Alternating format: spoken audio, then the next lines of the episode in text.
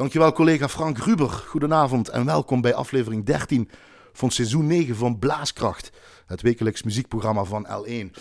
Met een gast uit de muziekwereld die in zijn of haar muziekkast is gaan struinen. Een muzieklijst heeft samengesteld en dat graag met ons wil delen. Met deze woorden open ik normaal het programma. Maar deze keer op deze derde kerstdag, zal ik maar zeggen, doen we het anders. Want op kerstavond 1945 ging Nederlands eerste regionale omroep met een radio-uitzending de lucht in.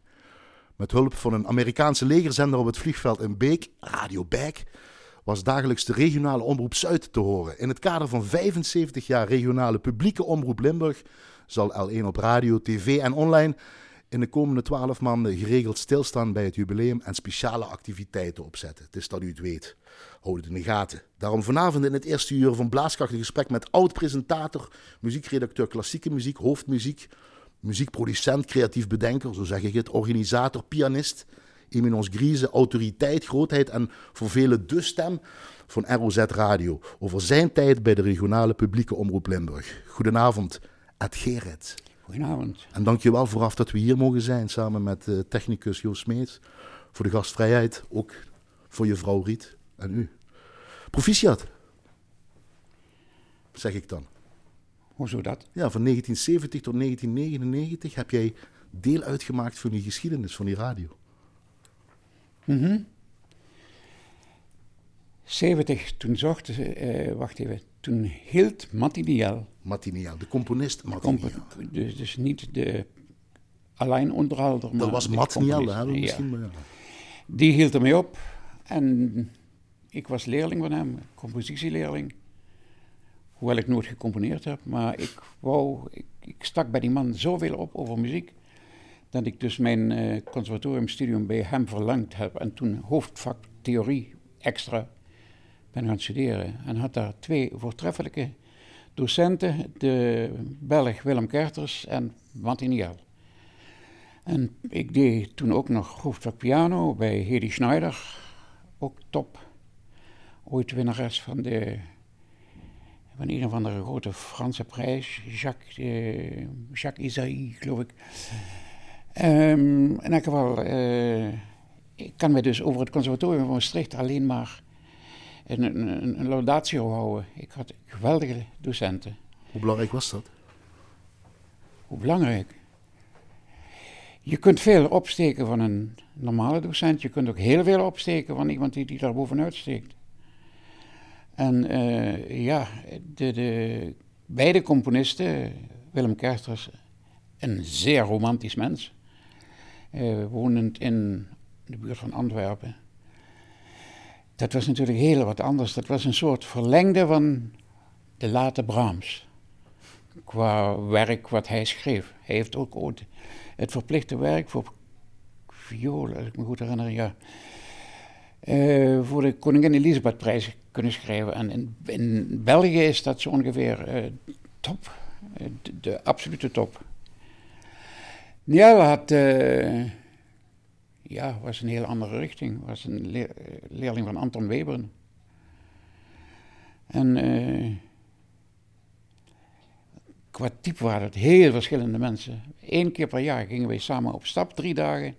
Dat was als het festival in Neerpelt was, het Europees uh, Muziekfestival voor de Jeugd. Daar zaten die beiden in de jury en ik was de radio daar. Er was een afdeling van de BRT, er was een afdeling van de AVO en er was een afdeling van de ROZ.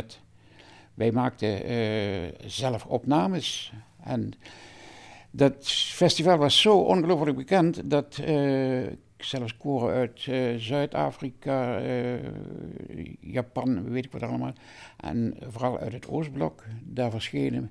Met repertoire dat hier niemand kende, met een vocale techniek die hier überhaupt nog niet bekend was toen stond het hier nog allemaal zo'n beetje in de kinderschoenen. Toen uh, was uh, de, de, de kinderkoortjes bijvoorbeeld die je hier had, dat was allemaal zo het gehalte van een kaplaan die uh, iets wil doen in de nachtmis. En dus dan zich begeeft op het gladde kunstpad, muziek. En dan vermoedelijk iets verder komt nog dan de havertjes warme nachten, of lagen bij nachten. Nou ja, dat geeft toch een beetje weer hoe het niveau in Limburg was toen ik bij de ROZ binnengeloodst werd door Martiniel, die tegen de toenmalige eh, directeur van de ROZ gezegd: Er is er maar één in Limburg die dat kan overnemen van mij. Die voldoende kennis heeft, voldoende karakter en voldoende brutaliteit om dat te doen. Zo ben ik dus daar binnengekomen. Met allemaal goede eigenschappen.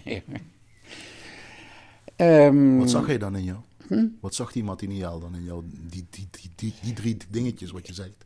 Kijk, ik had een... Die heb je dus nodig blijkbaar om radio te maken in die, in die tijd. Misschien nu ook wel. Nou, als je, uh, Chris Smits had mij niet nodig. Dat was ook was, de destijds. Uh, dat was het hoofd. Ja. Van hem is de... Uh, toen vielen wij nog onder, de, de, de ROZ viel nog onder de Nederlandse Radio-Unie, ja. NRU. Ja. En één keer per jaar ging Chris Smits uh, over geld praten in Hilversum. En dan zei hij met een lachend gezicht op de eerstvolgende uh, redactievergadering... Ik heb helaas voor mijzelf iets erbij kunnen krijgen. En toen waren de centen op, dus jullie doen het maar met het salaris van de vorige maand. Uh, hij had een compaan, een tweede man, programmaleider noemde het, was Fred van Leeuwen. Fred van Leeuwen, ja. En Fred van Leeuwen was een misschien wel iets moeilijk figuur, redelijk moeilijk. Maar had hele goede ideeën wat betreft radio maken. Ik weet dat hij, de eerste keer dat ik hem trof, en aan hem werd voorgesteld. En toen duidelijk werd dat ik van uh, conservatoriumstudentje plotseling ook mensen moest interviewen. Toen hebben we het even gehad over wat is interviewen. En toen zei Fred van Leeuwen het volgende. Ik neem aan dat je jezelf ook redelijk intelligent vindt. Anders had je geen, middelbare school gehad en zat je niet op een conservatorium. Weet één ding. Uh, een intelligente vraag, een eerste intelligente vraag, levert normaal gesproken een intelligent antwoord op. Uit een intelligent antwoord kan een intelligent mens minstens vijf nieuwe intelligente vragen bedenken. Dat was de begeleiding die ik meekreeg van hem. Dus, meer, meer had je niet aan vooropleiding? Meer had je nooit wat gedaan? Ik had, nooit iets gedaan. Ik heb ook nooit in het schoolkrantje geschreven en zoiets. Maar ik uh, ja, was kennelijk een goede leerling. Had je ook de feeling daarmee? Je bent in 1939, je bent nu 81 jaar. We hebben afgesproken om je te zeggen. Dat moet ik altijd netjes zeggen, anders krijgen we brieven of e-mails. Uh, had je daar al feeling voor? Vond je dat wat? Luisterde je naar? Ik was geïnteresseerd in muziek en ik was geïnteresseerd in mensen. In mensen? Ja. En met dat radio, daar luister je daarna? Wat ik het, het, enige wat ik me echt goed herinner van eh, de ROZ, dat was uh, toen ik een jaar of, ik weet het niet meer, misschien acht of negen of tien was. Toen had de ROZ een programma op zaterdagavond. Uh, toen zonden ze nog uit tussen zeven en, of tussen, tussen zes en zeven zonden ze toen uit. Dat ging over de bokkenrijders. En je kunt geloven of niet, dat was een serie van ik, misschien twintig afleveringen, dan was het stil op straat. Dus eh, er was, in de oorlog was niks geweest en vlak na de oorlog was er nog niks, nog heel weinig. Toen had de ROZ dus luistercijfers, dus was het nooit, nooit meer aankomen. Omdat ze hadden gewoon het monopolie. Voor de rest was in Hilversum, er was weinig op het gebied van lichte muziek. Er was totaal geen interesse uit Hilversum voor Limburg. Dat was nou, te ver weg. Hm? Dat was, was nog steeds een beetje te weg. Ja. Ik heb af en toe de indruk dat er nog heel weinig eh, interesse van die kant is, uit het westen. Maar goed. Dus dat was de ROZ. De ROZ uh, had een zeer druk beluisterd programma, dat heette Limburg Musiceert. Dat was heel belangrijk voor de harmonie en fanfare. Ja, dat was heel belangrijk. Op elke vrijdag was dat. dat was, uh, kijk, dan nam men een WMC op, de, de, meestal de KRO. En dan kreeg de ROZ in de loop van de maanden daarna stapels banden met verplichte werken en weet ik wat allemaal. Troep en slechte opnames, slechte orkesten en ook goede. Maar toen was het niveau niet zoals op onze top, zal ik maar zeggen. Limburgse top bedoel Ja. Dan heb je het over toren, neem ik aan, IJsde. Ja, kijk, er was nog een top. Er was eerder een top van mensen die eigenlijk amateur waren de top van mensen zoals eh, Matt Ruiters, ja? De top van mensen zoals, het nou, dat waren er veel. Marcel Arbeel bijvoorbeeld. Ja, Marcel was een ontzettend fijne kerel. en, uh, Harry Biezen. Hm? Harry Biezen. Ja, de oude Biezen won het eerste Leon WMC. Hm? Leon Biezen. Weet ik, weet ik zelfs niet. Want dat is, was 50 of 51, 4, toen begonnen 54 volgens mij. Maar goed, dat is al heel lang, dat is het begin. Ja, dat is ontstaan uit een treffen van uh, eh, mijnwerkerskorpsen eigenlijk. Dat was het eerste begin. Groot-Brittannië en Kerkrade inderdaad.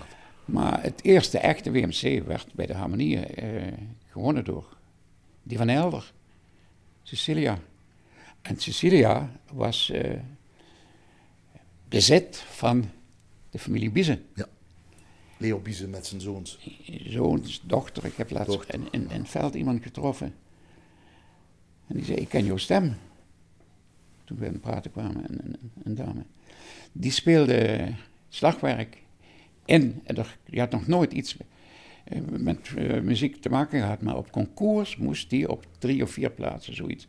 Ergens met een, uh, twee dekkels tegen elkaar timmeren, ja. dat ze zo, zo beschreef ze het. En later, uh, van mijn generatie, was natuurlijk Mielke Biese, was eerste fluitist van het Radio Philharmonisch Orkest. Biese, ja. Emil Milke. Zat bij mij, we zaten samen op de middelbare school. Waar? Iedere rechtgeaarde Zuid-Limburg zat op Bernardines. Ja. Ja, bij de paters. OFM. Dat moest. Een fijne manieren noemden wij het. en uh, ja, daar kennen wij elkaar van. Mil was een ontzettend aardige kerel. Maakte toen snel carrière. Hij heeft gestudeerd in, in Aken en vertrok toen uiteindelijk voor een baan in... Uh, net zo goed als anderen vertrokken voor een baan in uh, een van de militaire orkesten, Heinz Friese en die hele generatie. Uh, Delnoy, de fluitist van, van Gulpen, die vertrok naar het Rotterdams Philharmonisch en Heinz heeft er ook nog gezeten. Ze waren een massa. En dat kwam een beetje allemaal uit de school van Piet Stalmeijer, Peep. Ja. De Piet Stalmeijer uitgebroken. Ja, Peep Stalmeijer was Overijssel, als ik het goed heb, ja, kwamen die vandaan. Van origine, ja.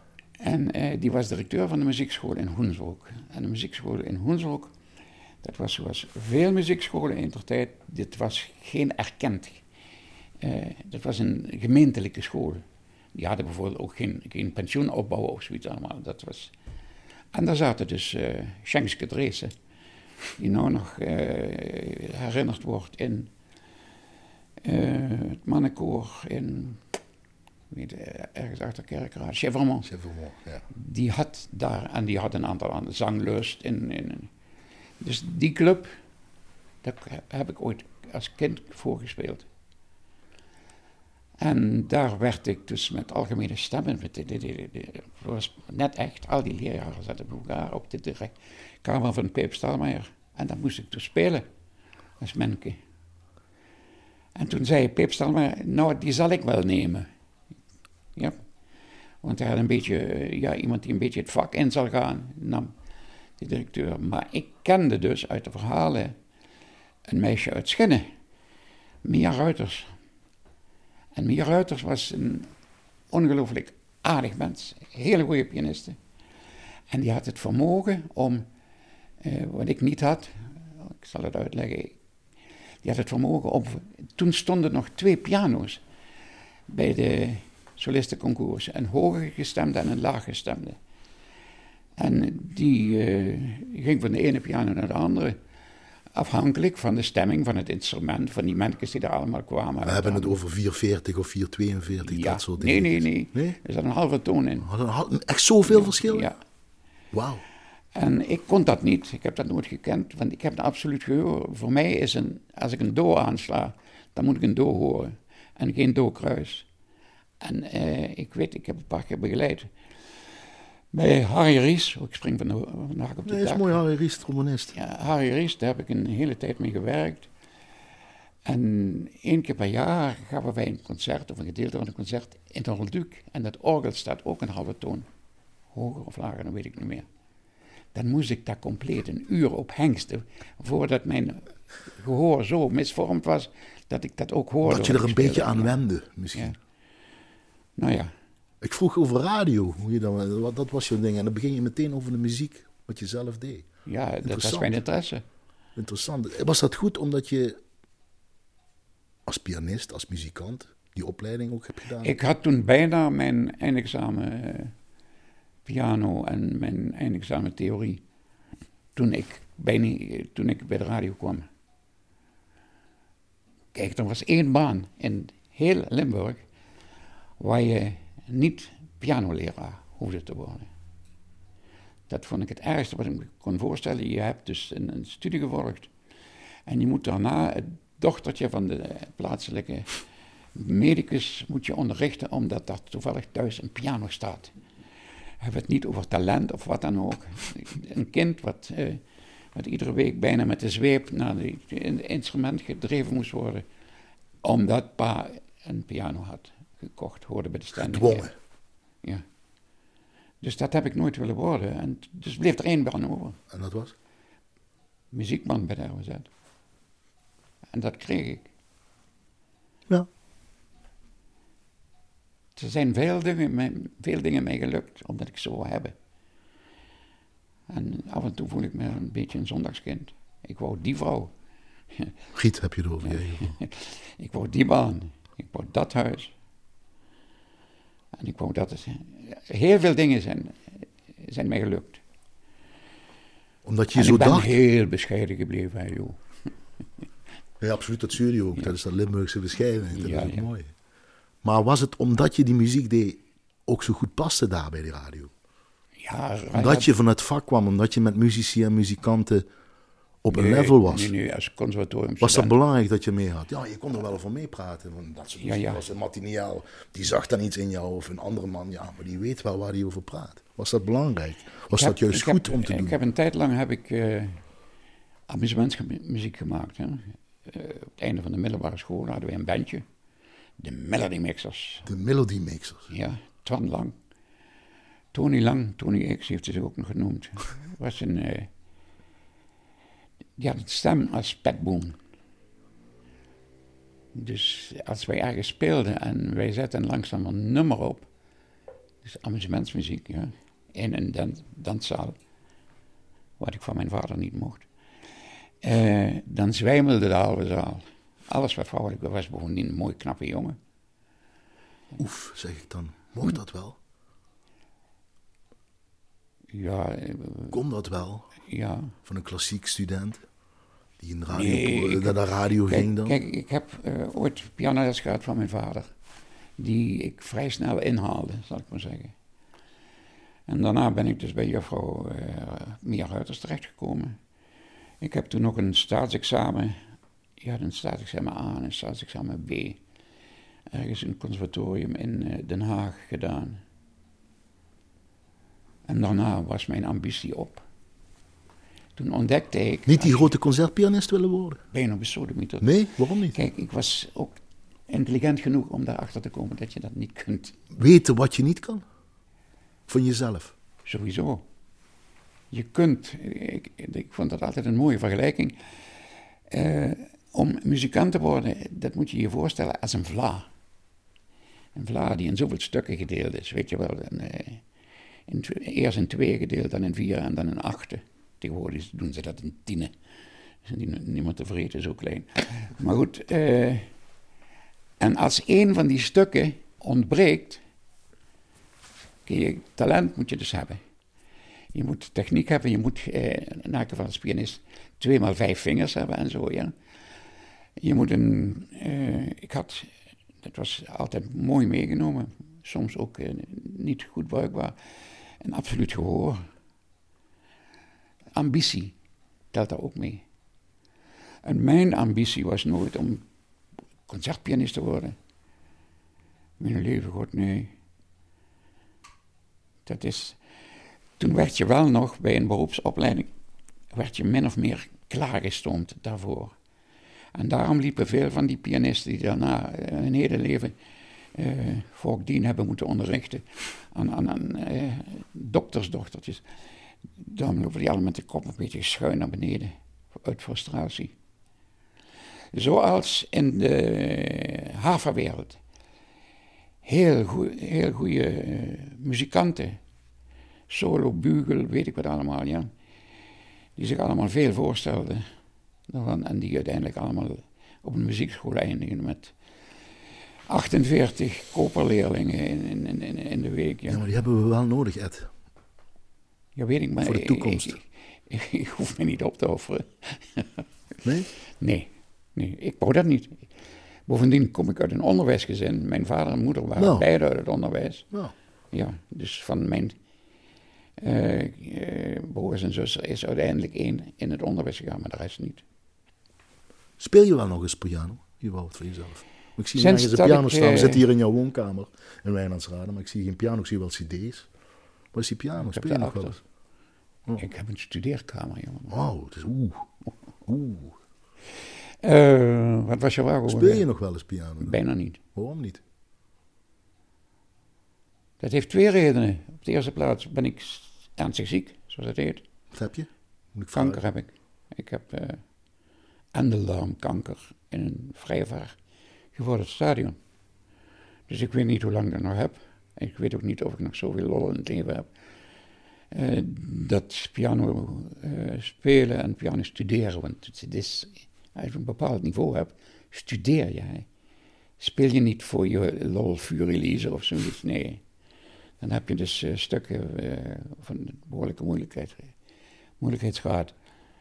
Dat is één reden, dus dat ik misschien de lol er niet meer van heb. En een andere reden was, ik was op een gegeven ogenblik erg goed bevriend met Jo, de pianist Jo Dusseldorp. Het was toen een docent, die heeft mij overigens drie keer geweigerd als leraar. eh, in een conservatorium in Maastricht. Als Want leraar. ik had dan... Als leraar, hè? Nee, Als hij was leraar. Ja, en hij heeft jou ge- als Ja. leerling dus. eh, Hij zei altijd, eh, je speelt zo ongelooflijk goed lichte muziek.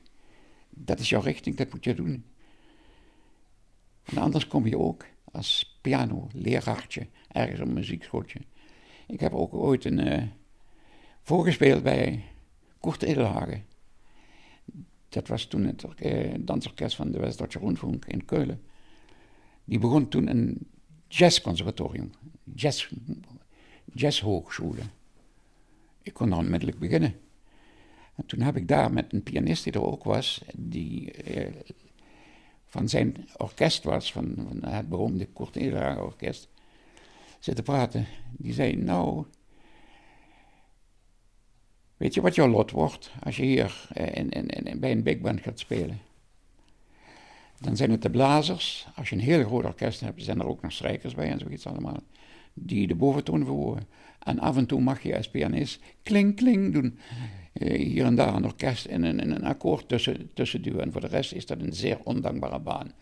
Het enige wat die baan aantrekkelijk maakt, zei hij, is dat meestal de pianist de meest intellectuele van het stel is. Die schrijft dan de arrangementen. Oké. En eh, aan arrangementen schrijven, dan, eh, nou ja, als die uitgevoerd worden, toen, dat levert tamelijk wat op. Dus dan kun je je- salaris nog eh opkrikken. Dus dat werd mijn richting niet. Maar waarom speel je niet voor jezelf dan nog even? Voor lol, inderdaad. Want dan ben je, je, begint niet, je bent niet op een hoog niveau begonnen. Je bent als jongere gast op lager niveau begonnen. Haal je dan niet meer de, de vreugde, wil ik niet zeggen. De tijd die je nog hebt uit. Om nog even die toets aan te slaan en nog iets van Chopin te spelen of zo. Nee dus. Ik heb van datgene wat ik van muziek wist en kon, mijn beroep kunnen maken. Geweldig. Had je dat talent ook nodig bij radio maken? Dat wat je Ja, niet nee, wist. dat- dat- dat was Wat je bij learning by doing eigenlijk wist. Een van de dingen, kijk, toen ik er kwam, lag er zo'n stapel banden van 1970 van het VMC. Allemaal per vrachtwagen vervoerd vanuit Hilversum. En daar werd ik eh, geacht iedere week een half uur, half uur uit te halen. En dat was dan Limburg Muziceert, vrijdagavonds.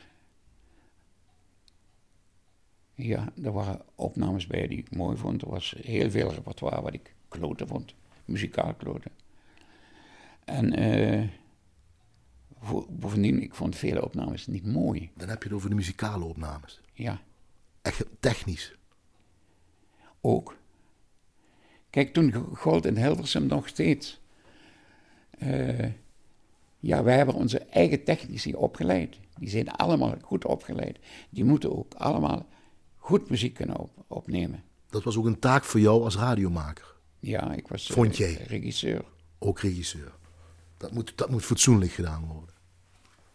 Nou, als een stuk goed wordt opgenomen, uh, vanuit een gevoel met, met ook wat gespeeld wordt, dan klinkt dat anders als wanneer je daar eh, gewoon maar wat microfoons bij zet. Mensen die dus, ik noemde dat, geen oren hebben.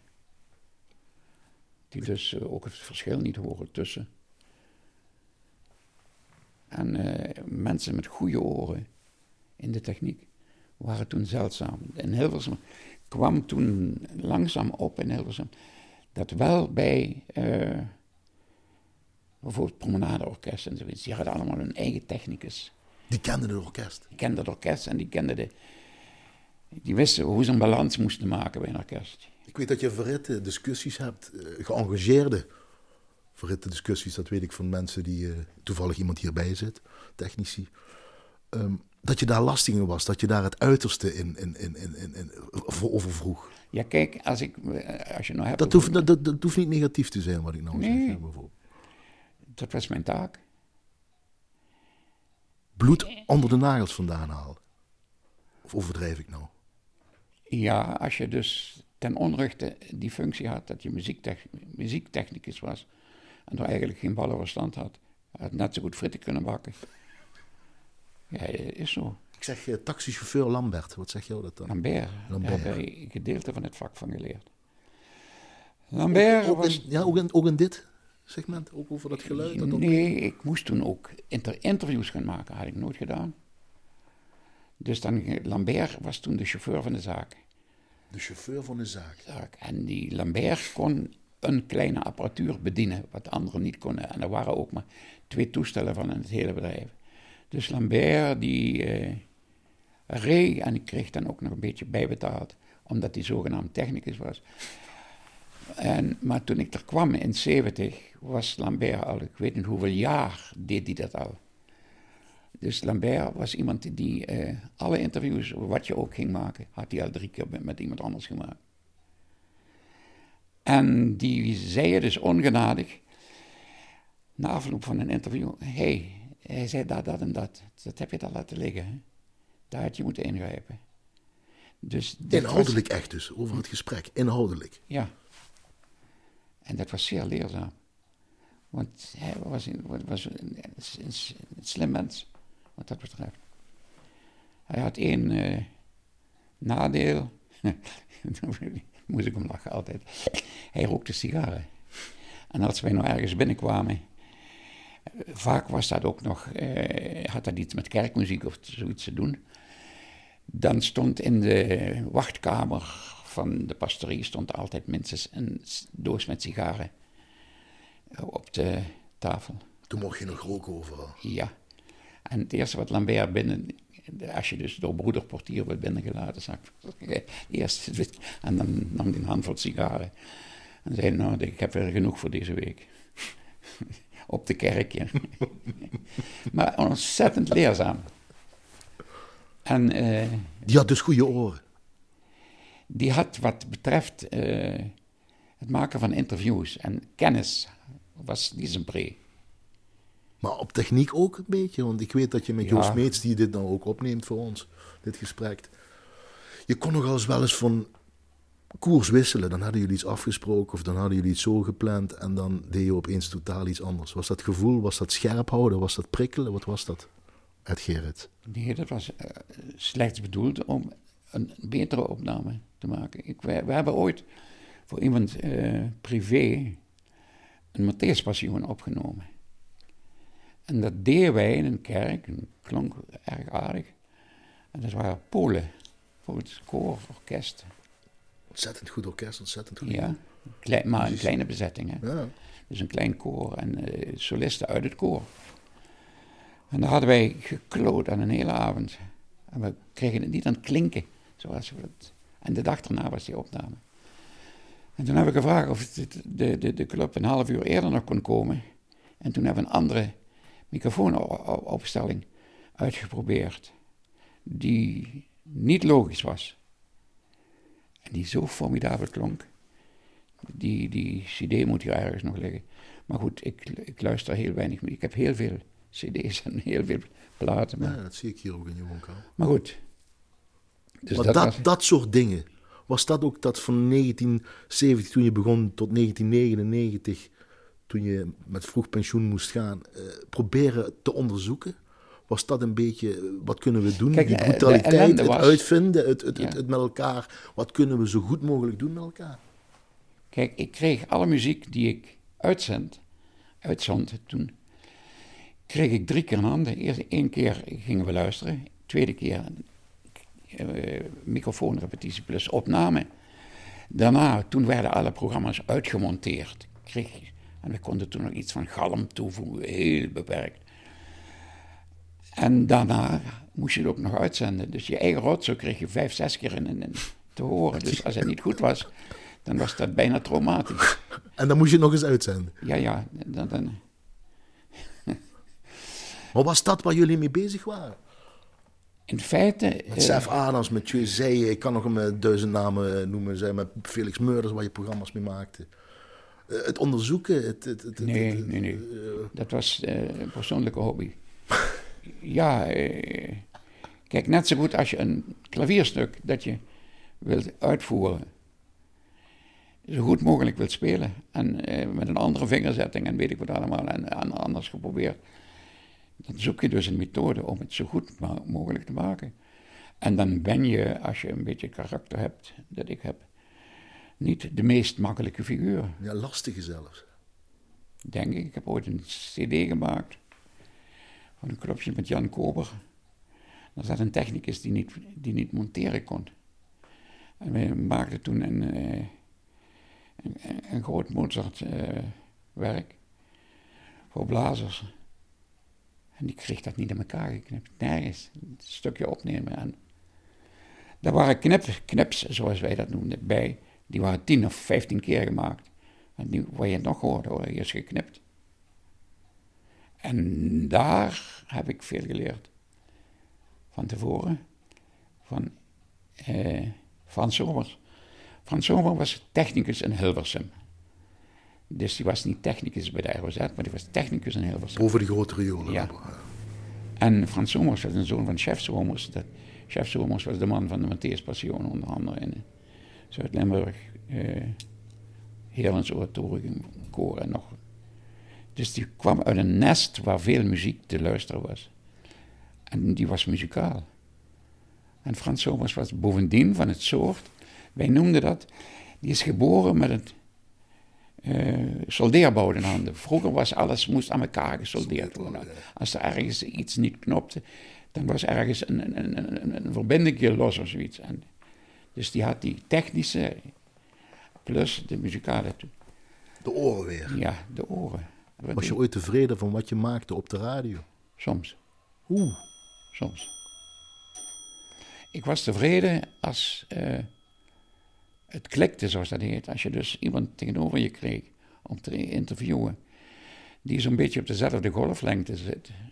Ik weet, ik, ik zat een uur lang in een programma met uh, Menachem Pressler hè, van het uh, eh, Bozart Trio. Die speelde toen uh, in, op het Orlando Festival. En die heb ik dus een uur lang geïnterviewd. En dan is een uur lang is zo om. We begrepen elkaar, we hadden het over hetzelfde. En als je dus iemand hebt die dat niet heeft, dan ben je een arme kloot. Hoe vaak gebeurde dat zo in jouw carrière bij de radio? 39 jaar, bijna 40 jaar? toch wel redelijk vaak. En maar laten we zeggen, één op de tien keer. Ging je dan fijn naar huis? Of bleef je dan met zo iemand nog doorpraten? Of in mijn, wilde, in mijn wilde jaren bleef ik wel eens een halve nacht doorpraten. Maar goed, dan, toen had niet iedereen een auto en zo. Ja. Toen ging om zes minuten over twaalf ging de laatste trein van, van uh, Maastricht naar richting Heerlen. En dan had ik, mijn fiets stond toen in, uh, hoe heet het, in, bij Hotel Tummers in Valkenburg. En dan bleef ik dan ook nog wel eens hangen. En daar stond op een gegeven moment stond daar een vleugel. En dan kwam een, een, een, een, een uh, er zat een violist uit Oostenrijk. En wij speelden met z'n tweeën de halve nachten. Zonder één noot muziek. Alles wat Weens en operette was. Geweldig. Jij achter de piano, hij op de ja. viool. En laat maar gewoon. Laat maar gewoon. Waar je op begint. En ik had ooit, over die man hebben we het pas nog gehad. Dat was een, een, een, een bassist van de Molenberg. Koch heette die. Die vader gaf gitaarlessen en hij gaf ook gitaarlessen. Moelenberg Heerlen. Op de, op de Moelenberg in Heerlen, ja. En die man had een fijn gehoor. Ik heb met hem amusementsmuziek gemaakt. Met een slagwerker en, een bassist. En hele uh, dansavonden. En die kon je dus niet verneuken. Als je dus van de ene rare toonsoort naar de andere vloepte als pianist, dan, dan waren geen twee noten voorbij, dan zat hij achter je. Ja, absoluut. Hij had geen grote techniek, maar dat, geweldig. U luistert naar het eerste uur van Blaaskracht met als gast oud-presentator, bedenker, hoofd klassiek Ed Gerrit. Is radio maken van toen, toen jij begon, 1970 tot 1999, anders dan nu? Of eigenlijk niet? Ja, in, in die tijd was ook heel veel live. De Ramblers en weet ik wat allemaal, de Skymasters, dat speelde live. Toen had je het Promenadeorkest, dat was zoiets zo, zo tussen de, eh, de klassieke muziek en de lichte muziek in. Je moest tamelijk veel in je bars hebben als uh, muzikant om daar te kunnen zitten. Ja, maar ook als presentator. Je zocht ook het, uh, uh, de samenwerking WDR. WDR 3, daar was je gek van, heb je mij verteld in het voorgesprek. Ja, ik weet niet of je het merkt, maar ik kan tamelijk goed lullen. Ja, ja dat, maar dat, dat had er wel mee te maken. Dat dat iemand van jou, of iemand tegen jou zei. En dat was de West-Duitse Rundfunk. Tenminste, dat vond jij altijd mooi, hoe ze daar spraken. En dat, iemand toch de waardering jou gaf. Of misschien juist dat schouderklopje, wat je misschien te weinig had. Ik, had, ik weet het niet. Die jou dat attendeerde, je kan wel praten. En misschien was je daar zelf niet van overtuigd, laat ik het zo zeggen. Dat je dat kon. Nou, ik was er wel van overtuigd dat ik me redelijk goed verdedigen kon. Mijn vader zei ooit, ik heb een jaar bij mijn vader aan de klas gezeten. Hij heeft de gave des woords, zei mijn vader. Toch? Ja. En met de West-Duitse Rundfunk eh, maakte ik kennis met de chef Ernst Muziek van de WDR. Mooi. Eh, professor Benneke. En daar heb ik dus min of meer gedwongen. Ooit, je had toen in, in, in, in, in Bochert het festival Crème de la Musique. En dat was Jan Vaassen. En Jan Vaassen was een... Uh, die verkocht platen in, een, de zaak Hilgers. Nee, nee, nee, hoe heette die grote platenzaak in Aken nog eens. Die wist alles. Die kende dus compleet, uh, op de manier van Willem Duis, alle achterkanten van de LP's van buiten. Maar hij had een hele goede smaak. En die organiseerde op een gegeven moment in de kerk in Bocholt het festival Crème de la Muziek, waar hij dus een, de, de, eerste keer heeft hij dat met een geïmproviseerd orkestje gedaan, maar daarna had hij dus een beroepsmensen en zo. En hij nodigde dus uh, grootheden uit de klassieke muziek, meestal het gebied van zang nodigde hij uit. En dat was een, een, van de aantrekkelijkheden als je dan al niet van muziek hield. Hij was een ongelooflijk fijne kok. Die maakte dus na afloop, was er dus een groot buffet. Echt, en dat had hij dus allemaal persoonlijk. Maar hij was overigens van een boerderij in, in, uh, in is uh, Vase. Volgens mij is een van zijn zussen hier nog burgemeester. Ellie was uh, in, in, uh, in geweest. Fijne kerel, hele goede kok. En had overal, als je nou zei, Eh, kijk, in die grote platenzaken kwamen toen ook solisten hun eigen materialen, of als die in, in, in, in de buurt waren met, met het stadtheater of wat dan ook. Die kwamen in die zaak. En hij had ook van al die mensen die daar telefoonnummers. Dus op een gegeven moment, als je iets nodig had, iemand die dat en dat kon en die dat en dat gezongen had, of het zou kunnen zingen, dan moest je Jan Vaassen bellen. Zei maar je zocht dus wel die regionale samenwerking manier op. Je, je, was toen Duits praten, toen ging je Frans praten, toen ging je terug naar het Limburgs of het Nederlands. Ja. Dat moest je wel in je hebben. Of dat moest je aan werken voor de radio. In Pruisen zeggen ze dan, er is spraakbegaafd. Ik heb ook nooit veel in Engels gedaan. Ik vond Engels namelijk geen taal. Frans is een taal met een moeilijkheidsgraad die ongelooflijk en een fraaiheid van uitdrukking. Toen wij dat huis in Frankrijk gekocht hebben, ben ik daar ook begonnen. Ik had natuurlijk op het gym uh, zoveel jaar Frans gehad, maar ben begonnen met hele eenvoudige kranten te kopen. Als in een Franse, gewoon een lokale krant, een auto-ongeluk beschreven staat, in vergelijking met uh, hier dat nuchtere wat wij, en toen, toen knalden ze frontaal op elkaar, drie doden. Dat, dat, zo, zo doen het hier in Frankrijk. Dat was bijna poëzie, de manier waarop die dus, zelfs dat beschreven. En had je dat nodig voor toen de radio maken? En is dat anders nu? nu? Ja, dat, komen op de vraag. Ik, heb, ik had veel Duitse vrienden. Also, we spraken Duits. Mijn kinderen hebben op, het, op Bernardinus nooit iets aan taal over te doen. Want hier werden talen gesproken in huis. werden dus... Je, je stipte er al mooi aan, WMC, dat begon je al meteen in het uur. En uh, bondsconcoursen, dat begon je al meteen over harmonie en fanfare. Ik, ik van mijn generatie ben 19, uit 1976. Jij hebt, jij, ik volg jij, ik heb je nog steeds in mijn hoofd. Je de stem, de bekende uitspraak. Voor mij dan in ieder geval, maar ik weet voor veel generatiegenoten ook. Riet, zet de aardappel op, want ik kom naar Hoes. Na een gesprek met Heinz Vriezen. Nee, na een hele dag. Ja, na een hele dag concours, maar ook na een gesprek echt met Heinz Mensen zullen er mij ook. Misschien maak ik het mooier dan het is. Maar dat doe je als iets te lang geleden is natuurlijk. Ik was misschien net acht jaar, negen jaar, tien jaar of zo. Maar ik zat met mijn oren gekropen in die speaker naar die concoursen te luisteren. Hoe jij allemaal met die dirigenten omging. En dan zei je van, het is genoeg geweest, ik ga naar huis. Ik heb daar nooit enige moeite mee gehad. Het eerste en enige waar ik moeite mee had, dat was Seth Pepers in de tijd. Ja, de piep? Was, de pieper was lastig. De pieper had in zoverre gelijk de ROZ nam concoursen op. Ja, wauw. Was ook, ja, eindelijk uh, gebeurde dat. Die, die, die, nam concoursen op. En uh, degene die de muziek maakte, kregen daar niets voor. De Limburgse Muziekbond kreeg zoveel per uitgezonden muziek. Dus uh, we hadden datzelfde probleem met Hammerfeld Jazz. Geld ging het, het ging weer om geld. Dat ging dan om geld. Dat de pieper zei, luister, dat is mijn materiaal. Eigenlijk moet je mij toestemming vragen en niet de Limburgse Muziekbond. Kon je dat begrijpen dat hij dat zei? Dat begrijp ik, ja. Dus daar had je last van? Of juist niet? Want je moest een relatie opbouwen, neem ik aan, met je orkesten. Vooral met die dirigenten. Op een dat je op die manier kan kunt praten met elkaar. Op een moment dat een dirigent in de gaten krijgt dat je er ook verstand van hebt, om het zo maar te zeggen, ben je zo bevriend.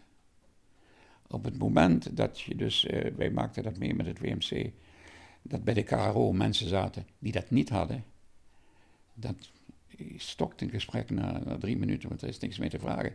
De interviewer heeft niks meer. En dan gooide zo'n dirigent de kont in de krip van, uh, du kent niks, du weet niks, wat, wat is nou vragen? Dat weet ik niet hoe ze dat deden, maar zij interviewden apart van ons. Dus ze zagen je op dezelfde level? Ja. Ed Gerrit wist wat hij over Ik moest in het begin, natuurlijk, als je ergens kritiek op hebt. In de Limburgse Bond was het zo dat iedereen een 9,5 voor stemming kreeg. Ja. Het was soms zo vals wie een kater. En dat was in, ja, met een absoluut gehoor is dat bijna pijnlijk. Mhm, mhm. En die kregen dan 9 voor stemming. En dan zei ik tegen Pierre Kuipers ook, eh, ongeveer uh, leeftijdgenoot, ik maar Ja, ja, de Pierre Hoe kun je die man nou 9,5 voor, voor, voor stemming? Dit is zo fout. En wat zei Pierre Kuipers dan? Ja, we moeten hoogpunten geven. Dus je wordt een beetje schaduwjury? Ook, eigenlijk. Wij werden schaduwjury. Jullie werden schaduw. Ik weet, ik had kritiek op, uh, Jean-Pierre Leroux. Wij werden later dikke vrienden. Vlak voor zijn dood is Leroux nog eh, en heeft mij gebeld. Kunnen we samen eten in Torn? Dus toen was ook een soort afscheid bezig toen. Ik was het niet eens met uh, de punten en ik was het niet eens met de waardering die hij. Toen riepen ze mij dus op het matje, zo ging dat toen. Hè. Want Laro was uh, kapitein en major later van de, de KMK. En was zo'n grote naam. En dan zit er een of ander boerenmenke uit uh, Wijnandsrade die uh, er tegenin door te gaan. Durf je? Zo ongeveer. How dare you, How dare die juffrouw. In een mooi Frans, ja, is dat. Ja. En toen zei uh, Laro, kunnen we elkaar morgen vroeg zien om tien uur? Op het terras daar en daar. Op, uh, en dan hebben we dat uitgepraat. Ik, moet, ik, ik uh, kan je redenering goed volgen. Ik ben het niet ermee eens. Maar als je het van die kant bekijkt, heb je gelijk. En toen zijn ook een tijd lang, dankzij meneer Gerrits uit Wijnandsrade, lagere punten gegeven. Totdat de jury zich weer aangepast had aan het, aan het oude niveau. Dus je kon iets beïnvloeden. Maar altijd ten goede van de zaak. Ik gaf mijn mening. En daar werd ik voor betaald. En mijn mening was altijd gestoeld op vakkennis, op goede smaak, op, uh, ja, op het gebied van zuiverheid, maar natuurlijk zeer streng. Had je ook, kom je wel eens met de koffie bij, de, bij, bij Zef Pijpers of Heinz Vriezer of daar, andere ja, grote ja. dirigenten Kober of weet ik noem maar op. Is dat ook wat, eh, want we, ze hebben het nog steeds over je. Ja. Want dat waren de gouden tijden, alles was mogelijk. Dat, ik heb je dat al eens eerder proberen uit te leggen. Dat kwam omdat bij de Limburgse Muziekbond Theo Rongen zat, die overal voor in was. Die in was voor verbetering van het concoursreglement, het concoursrepertoire, weet ik wat allemaal. Daar was hij voor in. Ambitieus. Bij het WMC zat toen Toon Kreuze, in zijn goede tijd, die uh, aan bij de ROZ keer is. En die drie regeerden. Wij bepaalden heel veel. En uh, nadat Gerrit dus duidelijk gemaakt had dat hij er ook verstand van had, en uh, dat uh, de opmerkingen die gemaakt werden over de stukken en over de manier waarop gespeeld werd, ja, dat dat houdt nee. Word je dus vrij snel geaccepteerd. Ik weet, ik, ik, ik had een opname, werd ik gevraagd door de Koninklijke van Toorn, een, een, een, langspeelplaat, hè, was toen nog. En toen, stond toen de pijper, de pieper stond ervoor. En die zei, ik heb, wil je de muziekregie doen daarvan? Op een zondagmorgen, of op een zondag. Want ik heb een paar keer die uitzending gehuurd. Daar heb werkelijk verstand ervan. Ja, en als je bij die piep, piep, pieper was, uh, piepers, Friese, koper, dat was de absolute top. Hoe vind en, je dat nu? En ik dwong mensen, en dat hoor ik nou nog wel eens, als ik, om naar zichzelf te luisteren. Okay. Niet vooringenomen. Wij doen het zo goed. Je kloten we. Je kunt nog zo hard gestudeerd hebben, nog je repertoire zo beheersen als pianist. Je bent iedere keer blij als, het, als, je, als, je, als je het goed ervan afbrengt. Hoe vind je dat nu dan, in die wereld? Als jullie dat allemaal voor het zeggen hebben gehad, zeg ik even kort door de bocht. En ik chargeer het eventjes. Nou, ik zorgde dus ook voor nieuwe repertoire. Ja, jullie hebben zelfs compositieopdrachten uitgeschreven. Ja. Zeven nieuwe weet ik wat allemaal, ongelooflijk. Ja. Dus de literatuur werd aangevuld. Maar hoe vind je dat nu? Ed? Hoe dat dan gaat? Wij vonden dat dat moest. Toen, maar nu? Ja, dat is niet allemaal even grootste spul. Maar je wordt dan ook, je raakt bevriend met de meest vreemde mensen. Ik raakte bevriend met Henk Badings. En Henk Badings was een ongelofelijke uh, topman, een topcomponist, een topmuzikant. Maar er is ooit iets geweest dat hij uh, in, de, in, de, Tweede Wereldoorlog uh, heeft waargenomen voor, voor een Joodse conservatoriumdirecteur en die eruit gegooid werd. En dat hij, omdat hij, hij was toen al docent in, op, in verschillende muziekhogescholen in Duitsland. dus hij, Hij werd onmiddellijk eh, pro-Duits. Wat hij niet was. Die was niet meer pro-Duits als ik pro-Duits ben. Want eh, ja, je kunt eh, tegen de Duitsers veel hebben, maar ze hebben een culturele erfenis achtergelaten en doen dat nog waar wij jaloers op zijn. Een van de mooiste dingen die ik vond altijd, ik luisterde, ik, ik luisterde zelden naar eh, Radio 4, heette het toen. Hilversum. Hilversum. De klassieke zender die toen ontstaan is. Want eh, ik heb het ook meegemaakt dat dat überhaupt niet bestond.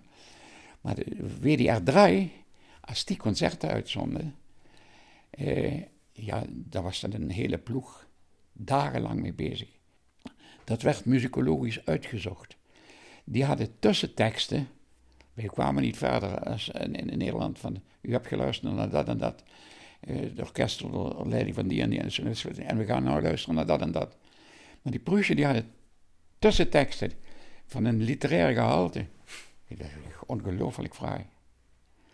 En we hadden het straks over uh, en, die uitzendingen.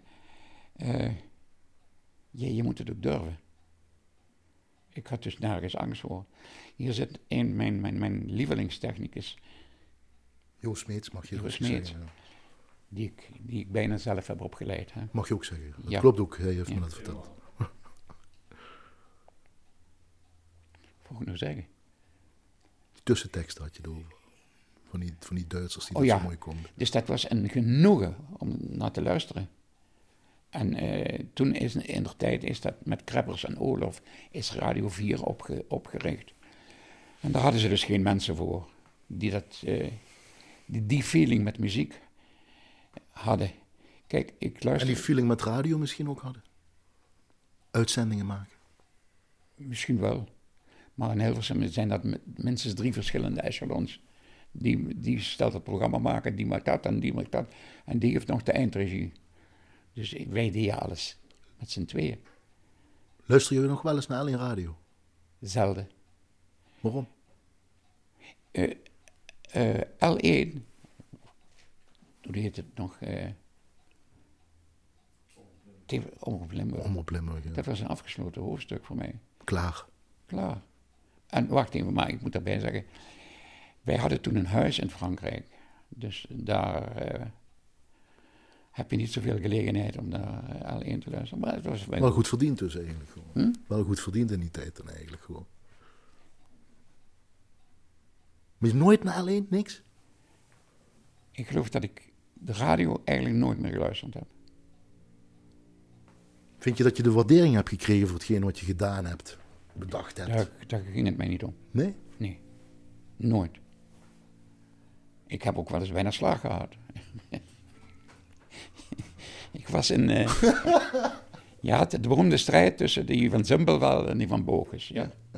De en, en, en de harmonie van... En dat was van een van de eerste WMC's. Toen heeft uh, Heinz Friese met Bochels gewonnen. En daar speelde toen ook Simpelveld. En er is ergens een weg tussen Simpelveld en Bochels moet je onder het spoorbrug door. En toen stond heel groot de uitslag eh, bovenop. Het, dat was een haat en nijd onder elkaar. Ja. Toen heeft Friese gewonnen. Ander was geloof ik Abel. Ja. Marcel Abel. Maar een keer daarna, vele, uh, veel jaar later, had ik kennelijk iets negatiefs gezegd, althans over die van Simpelveld. En toen kreeg ik de volgende dag een heel woest telefoontje van de voorzitter. En uh, of ik dat ook durf te komen zeggen bij hun thuis, is geen enkel probleem. En daar zat dus het volledige bestuur aangetreden. In, een, in, een in, in de goede kamer, ja, met de voorzitter aan het hoofd, met nog zo'n uh, dik tapijt op de tafel, weet je wel, allemaal dikke sigaren en sigaretten. En dan kwam ik binnen. En toen heb ik uitgelegd wat ik bedoelde. En waar ik achter stond en wat ik zou blijven zeggen. Maar die en wat, wat, dat niet was, wat zei... Zo, maar die waardering was er? Nee, ik wil je vertellen dat ik toen op een gegeven, gegeven ogenblik gezegd heb... Ik geloof dat ik beter naar huis ga. Want voordat we kriteer bier zien, kreeg je de ogen toegehouden. dus dat was wel waar ik dus verrast van was. De liefde en de fanatieke liefde, zelfs meer dan dat, voor de eigen vereniging. Maar ook, van, ook dus de impact van radio. Ook de, op wat Ja, daar ja, gebeurde ja, dus ook gewoon. Met het publiek die er naar luistert. Ja, ja. Tot slot, Ed, want we zien verdig, zo'n beetje in het uur. Kun je nog één keer die zin zeggen? Toen je zei van Riet, eh, zet de aardappel, maar een beetje, dat vind ik mooi om live eens mee te maken. Of, Ik ben klaar. Zet de airpakjes maar op. Kom op, man. dankjewel, Zo het ongeveer was het. Dankjewel, het Gerrit. Ja, alsjeblieft. Dankjewel voor de gastvrijheid, dankjewel eh voor je vrouw Riet. Goeie roetje, Dat hopen wij. En ik hoop nog een tijdje rond te kunnen dat lopen. hoop ik ook. Het gaat niet goed. Ja, oké. Dankjewel.